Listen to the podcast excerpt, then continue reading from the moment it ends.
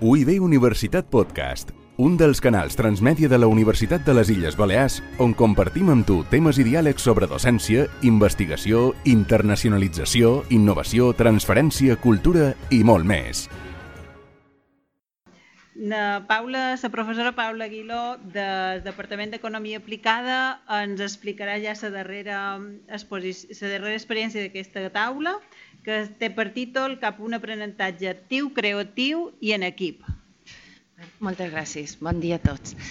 Val. Uh, nosaltres, bé, quan se me va dir de venir aquí, se mos va dir que presentàssim el darrer projecte d'innovació docent que havíem fet, que el vàrem posar en marxa el curs passat, i llavors és una mica més que no només la classe invertida.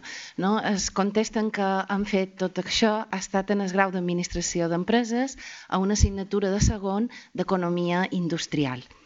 Val? Els objectius, quan varen començar això, doncs era per una part, en aquesta assignatura sempre teníem un treball que fèiem els alumnes i el que volíem era passar el que dèiem ahir, de no treballar en grup, sinó treballar en equip. Per tant, una de les nostres coses era que aquest treball en equip era, per una part, intentar mostrar-los com se treballa en equip i que el, resultat del treball també fos més bo i després aplicar les classes invertides de forma que nosaltres a classe doncs, poguéssim dedicar-nos més um, no tan sols a transmetre coneixements sinó que fos algo més i aportar també competències. I en aquest sentit, vull dir, també era algo per nosaltres engrescador, i això eh, que també s'ha dit era important per nosaltres mantenir-nos eh, amb aquestes ganes d'anar a classe i d'anar fent coses diferents. Perquè el de treball en equip, pues, hem patit a vegades, vol manco jo, aquest fet de que sempre hi ha qualcú que fa tota la feina, qualcú que no apareix en tot el temps, qualcú que de cop hi apareix, i llavors volíem evitar tot això. I després també és malestar de que en el final aquest no ha fet res i té la mateixa nota que jo. Val. Com hem fet això? Pues per una part, eh, aquí crec que hi ha més feina a fer i en tot el que vàrem sentir ahir eh, ja tenc camí per on anar, no? de com treballar més en equip. No? I és algo que també estem aprenent nosaltres. Vull dir, jo crec que ja estan tenint un bon equip uh, fent tota aquesta tasca. No? I una de les coses primeres és dir què s'espera quan tu treballes amb equip. Després, com els passam alguns articles de com enfrontar-se quan hi ha qualcú que li deim jeta o un manta i que el tenim allà. I també algun article sobre assertivitat, de com fer o com saber més eh, d'un davant. Una altra cosa ha estat estructurar aquest treball. Aquest treball l'hem dividit de forma que eh, el treball ara està desenvolupat en diferents tasques. Ja no és un treball que hi saben que han d'entregar al final de curs i que molt pues, fan en el final de tot, sinó que és un treball que també aniran fent al llarg de tot el curs. I aprofitarem les classes també per uh, fer una mica de treball cooperatiu, en el sentit de que Uh, hi haurà una part de la classe que si nosaltres estem tratant un, un determinat tema, doncs ells hauran d'aplicar d'aquell tema com ho poden aplicar en el seu treball. Ells el que han d'agafar és un sector i analitzar aquest sector doncs veure com les diferents coses que nosaltres anem fent, si són barreres d'entrada, diferenciació de producte, etc, com ho poden ells aplicar. Llavors, ells prèviament a casa ho hauran pensat individualment, a classe ho compartiran amb els seus companys d'equip i després ho exposaran en els altres i rebran també un feedback dels altres si consideren que allò és així o si no és així o si els hi poden donar qualque altra cosa. Un altre dels objectius molt important era per nosaltres que ells tinguessin més feedback de lo que fan. Val? Uh, per una altra banda, per intentar rompre aquest fet de que un no fa feina i no, no li passa res, era establir diferents... Um, estic, estic avançant aquí. Era establir diferents valoracions a l'equip. Al llarg de tot el semestre ells fan tres valoracions, on se valoren ells mateix com va la seva feina d'equip i en els altres companys. Nosaltres el que fem és, quan tu veus aquesta valoració, automàticament és molt fàcil detectar si hi ha un problema en aquell equip o no, si hi ha dos líders, si hi ha qualcú que no fa absolutament res, i és el moment en què pues, se pot donar un feedback i veure què passa i parlar una mica amb ells. La tercera valoració que ells fan, se suposa que ells poden anar canviant, si veuen que no estan fent bé i canvien, aquesta darrera valoració serà la que nosaltres tindrem en compte a l'hora de posar la nota individual de cadascú. És a dir, nosaltres després valoram el contingut del treball, la presentació, eh, el com han fet, diguéssim, el treball acadèmicament i posam una nota en aquell treball. Però després, la nota final està ponderada segons la valoració que han donat tots l'equip d'una persona, no una persona de l'altra, sinó miram quina és la, eh, la puntuació que li han donat a cada persona de tots, feim la mitjana i després, en base a el que jo he tingut respecte de la mitjana del grup, ve ponderada aquelles notes. Hi ha grups que, evidentment, pràcticament no hi ha canvi de nota i hi ha qualque grup pues, que millor hi ha un punt de nota de diferència, de, de, inclús una, una mica més. No? Una altra de les coses que els hi feim és que ells, a principi, establesquin les normes que regiran aquest equip de forma que ells vegin eh, quan se veuran, com se veuran, eh, com se distribuiran les tasques, que ells facin un pensament de tot això. I després també de què és el que ha de passar perquè nosaltres decidim que una persona d'aquest grup s'expulsi. I donem aquesta possibilitat. Ha de ser motivada i donem també, però, una data límit. No el podem expulsar en qualsevol moment del curs, sinó que tenim una data límit. Si en aquesta data límit nosaltres no hem decidit que expulsam en aquella persona, pues aquella persona és part del nostre grup i nosaltres som el grup, eh, som l'equip complet. Val? I, final, bueno, i finalment vos dic això, a, a classe pues, intentam que ells facin feina i després hi hagi una tornada d'aquesta feina que han fet a classe i que mos la entreguin de qualque manera. Per altra banda, en fer la classe invertida hi ha hagut, hi ha hagut d'haver pues, aquest treball autònom que ells hagin fet prèviament a casa. I com l'organitzar? Nosaltres el que feim és, vull dir, ens ha anat molt bé el fet de poder organitzar per pestanyes eh, eh, tot el que tenim en el Moodle, no? l'aula digital. Llavors, cada tema està estructurat i l'han dividit pues, en cinc parts. En un primer moment, ells tenen els objectius que esperam que ells sàpiguen fer en, després d'aquest tema i en quantes sessions ho veurem. Per una altra banda, hem hagut d'elaborar material. Pues, hem hagut de eh, fer exercicis, posar la seva resolució. Nosaltres els vídeos que hem fet de moment són vídeos d'exercicis, de nosaltres explicant un exercici pas per pas, i llavors també cercar notícies, posar-los preguntes d'aquestes notícies, eh, i bé, mm, diverses coses. No? Eh, també teníem les transparències, resums, eh, eh, el material didàctics que també teníem i lo important de tot això és que el treball, per nosaltres el Manco, el treball que facin com a treball autònom sempre hi ha d'haver una tornada. Això ens garanteix que ells ho facin. Per jo això és molt important. És a dir, després d'haver-me mirat la notícia, pues jo he de contestar unes preguntes. Després d'haver-me llegit el material didàctic, pues jo he d'omplir un qüestionari. Després de, jo tinc un exercici que l'intent fer, tinc la solució, però després contesto un qüestionari d'autoavaluació de quines dubtes m'han quedat d'aquest exercici. I llavors, tenim uh, aquesta altra pestanya que seria preparat, que aquí és el que li dèiem, en a quina data tens que tenir fet cadascuna d'aquestes. Pues hi ha l'exercici, el qüestionari, etc, la lectura, etc. Val. I després, quan ells s'han preparat això i venen a classe, què feim a classe? Pues feim diferents coses.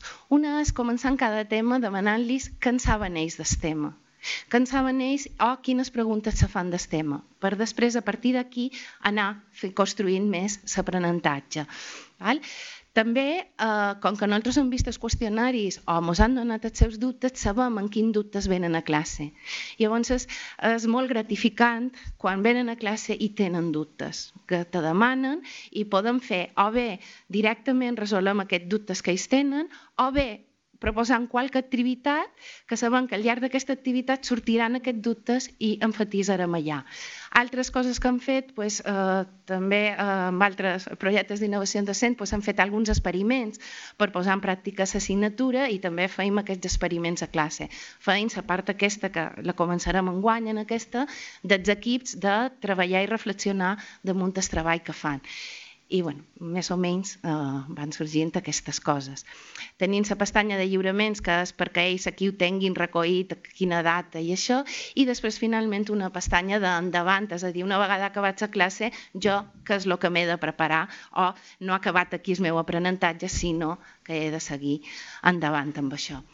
Val? Llavors, en tot això, pues, hem aconseguit coses, venen en el material generalment preparat a classe, sorgeixen dubtes que es poden resoldre, l'aprenentatge és més actiu, està en un ambient millor, ha augmentat el feedback cap als alumnes, alguns d'aquestes activitats que fan després ells quan l'entreguen, un altre grup l'ha de mirar i en base a una rúbrica ells eh, li, li fan una tornada en el seu company perquè pugui millorar aquell treball i bé, en tot això, diguéssim, estàvem pues, molt contentes, però, evidentment, hi ha coses que no hem aconseguit encara i és millorar significativament els resultats en quant a qualificacions. Encara això jo crec que no sabeu.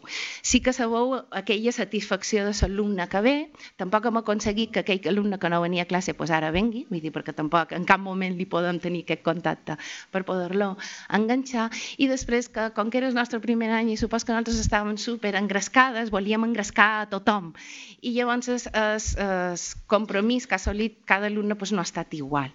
Llavors, ara ara mateix vull dir, tenim diferents itineraris, perquè crec que això s'adapta més a com cadascú pot eh, aprendre. No?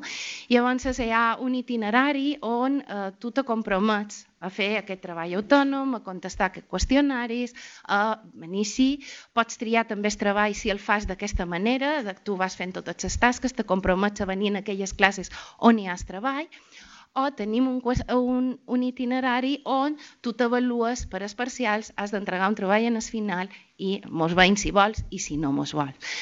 Tot i que nosaltres tenim dos itineraris, diguéssim, en realitat n'hi ha tres, perquè hi ha aquell alumne que no li agrada que li diguis tal, tal dia has de tenir això, però ell té sabast si ho vol fer ell se pot llegir material abans de venir a classe, tot i no va contestat el qüestionari. Ell pot anar, diguéssim, mantenint un ritme, tot i no s'ha avaluat per aquell ritme. No? Llavors ens permet tres, tres coses diferents. Um, ara se, se m'ha anat a esconir, tenia una cosa més per dir-vos. Uh, ells, una de les coses que han valorat molt significativament és el que és fet de dues assignatures. La nostra assignatura també és una d'aquestes que se va construint i si te perds, després és difícil enganxar-te. I llavors ells han valorat molt positivament aquest fet de poder dur l'assignatura pues, en el dia.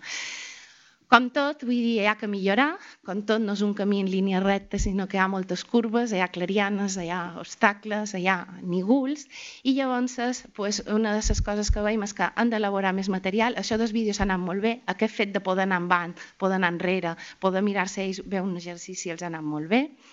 Ho tenim només uns quants eh, temes de l'assignatura, pues seria estendreró a totes, i una cosa que no s'ha parlat aquí i crec que és crucial tal, i, i jo crec que s'entenc jo, el meu, la meva pedra que he d'aconseguir eh, que se faci més petita, és l'avaluació. Com avaluam això? Perquè aquí eh, aquesta avaluació també implicarà la seva dedicació o la seva no dedicació. No? Ara després, si me permeteu en un minut, vos faré una reflexió respecte a l'avaluació. Han recollit les seves opinions, les estem analitzant ara i amb això estan millorant doncs ara que han de començar una altra vegada l'assignatura cercar mètodes de seguiment més ràpid, de veure si ho han fet o no ho han fet, aquí encara han d'aconseguir-ho i, i, bueno, i quan sorgeix una incidència pues, l'anam fent. La nostra idea és que aquest treball que ells estan fent acabi sent més gran i acaben podem fer aquesta assignatura per projectes. Llavors, és que l'assignatura sigui fer un projecte i amb aquest llarg termini, diguéssim, és que anem caminant. L'avaluació, per jo, una de les coses més importants és que l'alumne ha de poder equivocar-se. Això ho deim sempre i deim que dels nostres errors ens equivocam, però a vegades feim una avaluació que no el deixam equivocar-se. I jo crec que aquí hi hem de fer feina. Vull dir, el fet de que jo ara no ho hagi pres però estigui esforçant-me i ho aprengui, això s'ha de veure. No pot ser una desavantatge per l'alumne, no? Sempre, és a dir, nosaltres tenim un semestre i el que dèiem és que tu has d'aprendre amb això, te n'has d'anar amb aquests objectius complits. Però el ritme en què el facis, jo crec que això no ha d'estar penalitzat. I això crec que ha de ser important i s'ha de transmetre a l'avaluació. L'avaluació també ha de permetre veure'm a mi que jo estic progressant m'ha de permetre tenir aquesta motivació. Per tant, el dubte està en que, que han de fer una avaluació que tingui en compte tot l'ho fet, una avaluació que només tingui en compte el final de lo que han fet, una avaluació que sigui una mescla, En aquest moment eh, nosaltres tenim una mescla en aquesta assignatura. Jo encara no estic del tot contenta en com tenim l'avaluació, però sí que li donem cert greu que mos permeti. Com ho feim? Si ell fa el treball autònom, si va fent el treball autònom, nosaltres valorem que el faci. I llavors, si el va fent i eh, el manco el fa amb un 80%, vull dir, sempre donem un marge que qualcú, qualque cosa no la pugui fer, doncs llavors li donem eh, en aquest punt fins un 0,5 en total de l'assignatura. ¿vale? 0,5 punt. En aquest moment s'està plantejat de seguir a docent com si això fos un bonus. Val? Jo altres assignatures de primer que he dit que estava fent això, això els hi dono un 10% de l'assignatura. Després, per altra banda, els que fan eh, eh, això tenen la possibilitat d'en lloc d'anar directament en el primer parcial, que hi ha l'assignatura, fer-se una autoavaluació. Si d'aquesta autoavaluació treuen d'un 6 per amunt, ja no han d'anar en el parcial i per tant els eliminem. I si no, saben que tenen la possibilitat d'anar en parcial. O sigui que aquest aprenentatge que han d'anar fent, si jo veig que no l'he fet suficient, encara puc recuperar-lo. Després eh, tenen un segon parcial, que aquí ja no ho feim com a flipper, i després hi ha al final de l'assignatura un final. En aquest final sempre donaven la possibilitat en el juliol de que l'alumne pogués eh, recuperar un dels dos parcials. Actualment ara ho fem ara. És a dir, si el juliol tu que final tens, molt, eh, tens millor nota que el que has tingut en els parcials, tot tenc en compte. I un dels dos, el manco la nota serà igual que la del final. No? D'aquesta manera que tu puguis veure que el que fas pot anar revertint. Llavors, el treball, eh, el que tenim ganes és de que les qualificacions del treball millorin molt, en el sentit de que si nosaltres hem anat treballant al llarg d'escur cadascuna de les parts del treball, quan ells entreguin el treball, el treball ha d'estar bé. Vull dir, han anat tenint aquest feedback. I bé, volia acabar amb aquest proverbi xinès que els mestres podem obrir portes però només tu pots entrar i això crec que és molt important i una de les coses que, que també s'ha anomenat aquí és que ells no tenen no tenen dins la consciència què implica un ECTS en qüestió de feina per ells. Una cosa que a mi m'ha resultat molt curiosa de les enquestes ha estat que la majoria d'ells han dit que han dedicat mm, de 3 hores a menys a fer tota aquesta, aquesta, aquesta feina setmanalment. Clar, si mirant CCTS ells haurien de fer 7 hores setmanals fora de les tres que nosaltres tenim a classe. I llavors ells en el final te diuen que hi ha hagut una càrrega excessiva, és que ha estat excessiu. I tu dius, bueno, anem a veure-ho. I després quan mires i li demanes quin ha estat el teu punt fort, quin és el teu punt fort en el teu aprenentatge i quin és el teu punt dèbil, quan demanes el teu punt dèbil diuen hauria de dedicar-hi més hores. I dius, i aquí hi ha una incongruència entre el que ells senten, entre el que veuen i el que un moment determinat els pugui ser. Moltes gràcies a tots i per qualsevol cosa doncs, mos teniu. UIB Universitat Podcast un dels canals transmèdia de la Universitat de les Illes Balears on compartim amb tu temes i diàlegs sobre docència, investigació, internacionalització, innovació, transferència, cultura i molt més.